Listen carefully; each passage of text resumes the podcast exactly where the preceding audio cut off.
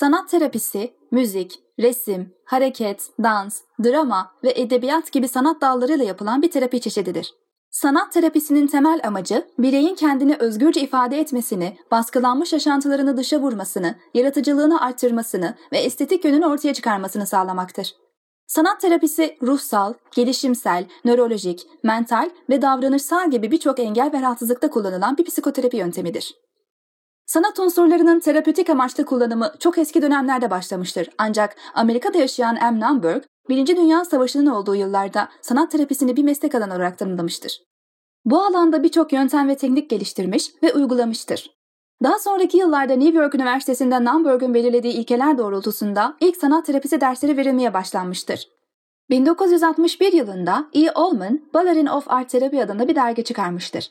Sanat terapisi alanında çalışan ve bu terapiye ilgi duyan uzmanlar 1970'lere doğru National Art Therapy Association adlı örgütü kurup burada bir araya gelmişlerdir. Hepimiz hayatlarımızın bir noktasında özgül bir şekilde sanatla iç içe olmuşuzdur. Gündelik hayata dair aklımıza gelebilecek her şey sanatla alakalı olabilir. Çocukken resim çizmemiz, yetişkinlikte fotoğraflar çekmemiz. Bu tip örneklerin hepsi insanların hayatının içindedir ve insanlara terapötik bir güç verir. Ancak terapi sürecinin sanatla ilişkilendirilmesi genelde insanlara fikir olarak uzak gelir. Fakat bakıldığında sanatın genelde bilindiğinden başka amaçları da vardır. Kendini anlamlandırmak, anlam arayışı, kişisel gelişim, iyileşme, çizim, heykel, resim ve diğer sanat formları çok etkili iletişim araçlarıdır ve sanat ayrıca bizlerin fikirleri, duyguları, rüyaları ve beklentileri ve benzeri arasında aktif bir role sahiptir. Bu sebeple denilebilir ki sanat insanlara bir anlayış ve anlamlandırma yetisi sunar ve insanların iç dünyasını kelimelere dayandırmadan anlamlandırabilmesinde önemli bir rol oynar. Sanat terapisi, psikanalitik dinamik uygulamalarının yaygın olarak kullanıldığı dönemde ortaya çıktığı için söz konusu uygulamaların etkisinde gelişmiştir. Çünkü terapi uygulamalarında psikanaliz yorumlara genişçe yer verilir. Bu terapiyle daha çok duyarlı, sanata ilgisi olan ve iletişim becerileri gelişmiş kişiler ilgilenmişlerdir. Sanat terapisinde kullanılan terapi modülleri aslında kuramsal temelleri bakımından birbirlerine uzak terapötik yaklaşımlar olmasına rağmen birbirlerini destekleyip tamamlamaktadır. Sanat terapisi şemsiyesi altında kullanılan terapötik disiplinler çoğu zaman bir arada kullanılarak bu yaklaşımlara yeni boyutlar kazandırılmış ve yeni teknikler geliştirilmiştir. Dolayısıyla bu yaklaşımların bir arada kullanılması onların yok olup gitmesinin aksine gelişip büyümesini sağlamıştır.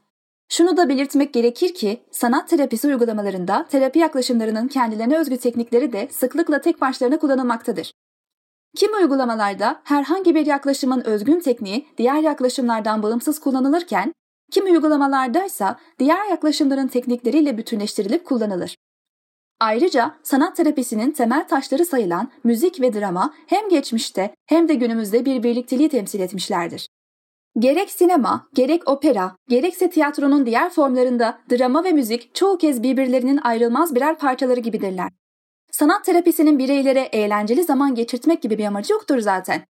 Terapi sürecinde temel amaçlar gerçekleşirken birey zaman zaman eğlenceli vakit de geçirebilir.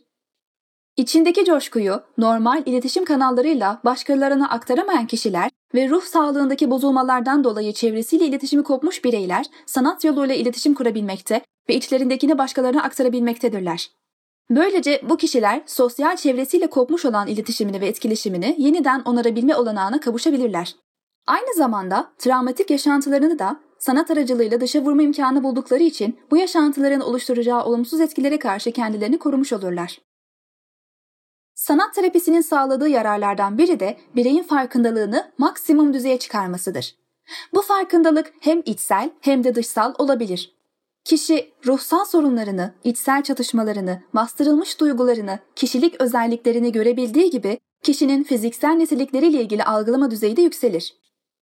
Dolayısıyla çeşitli alan ve durumlarla ilgili algılamaları bozulmuş kişiler farkındalıkları arttığı zaman algılamalarıyla diğer insanların algılamaları arasındaki farkı algılayabilme yetisine kavuşabilmekte ve onlarla kendisi arasındaki farkı daha iyi fark edebilmektedir. Zaaflarını ve olumsuz yönlerini iyi bilen kişi kendini daha kolay eleştirebilecek ve bunları aşmak için daha çok çaba sarf edebilecektir. Duygularını tanıyıp yeniden dönüştürebilecektir. Terapi sürecinde kişinin yaratıcılık boyutu ortaya çıkar ve kişi bir şeyler yapabildiğinin farkına varır. Bu kişi değersizlik ve işe yaramazlık gibi olumsuz hislerin etkisinden kendini kurtararak benlik algısını arttırır, çevresiyle güven içinde ilişkiler geliştirmesini sağlar. Kişide hızlı bir değişme ve gelişme yaşanacağı için hayatına birçok katmanlar eklenerek kişi daha mutlu bir yaşama sahip olacaktır. Belirlenmiş katı kurallar çalışmalarda yer almaz. Sanat terapisi etkinliklerinde yaratıcılık oldukça önemlidir çünkü bireyin kendini dışa vurma açısından yaratıcılık zorunludur. Zaman zaman çalışmaya terapist değil, terapi alan birey yön verir. Sanat terapisinin çok önemli bir kullanım alanı ise özel eğitimdir. Yani özel gereksinimli bireylerle sanat terapisi çalışmaları yapılabilmekte ve başarılı sonuçlar elde edilebilmektedir.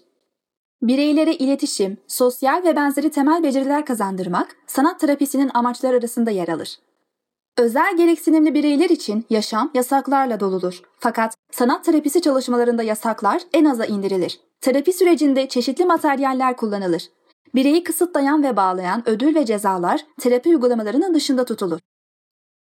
Sanat terapisi etkinliklerinde gelişimsel yetersizliklerden dolayı ifade edici dil becerileri gelişmeyen veya sosyal iletişim becerileri yetersiz olan bireyler kendilerine uygun bir sanat dalıyla iletişim kurma, kendilerini anlatma ve diğer bireylerle etkileşim içine girme ortamı bulurlar. Özel gereksinimli bireyler genellikle yaşamlarının büyük bir bölümünü sosyal ortamlardan ve ilişkilerden uzak geçirirler.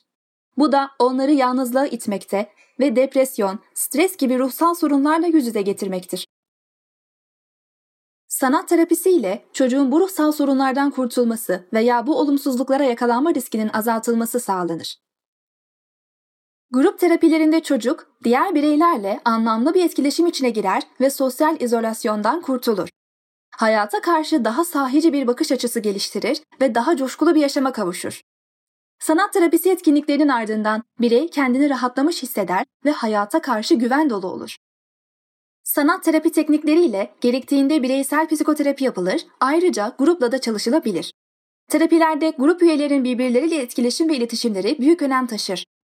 Bütün grup daire oluşturacak şekilde oturur ve terapistin yönergeleri doğrultusunda sırayla herkes ilgili konuya dair bir şeyler anlatır veya etkinliğe katılır. Bazen de grup ikişer, üçer ve dörder kişilik küçük gruplara ayrılabilir.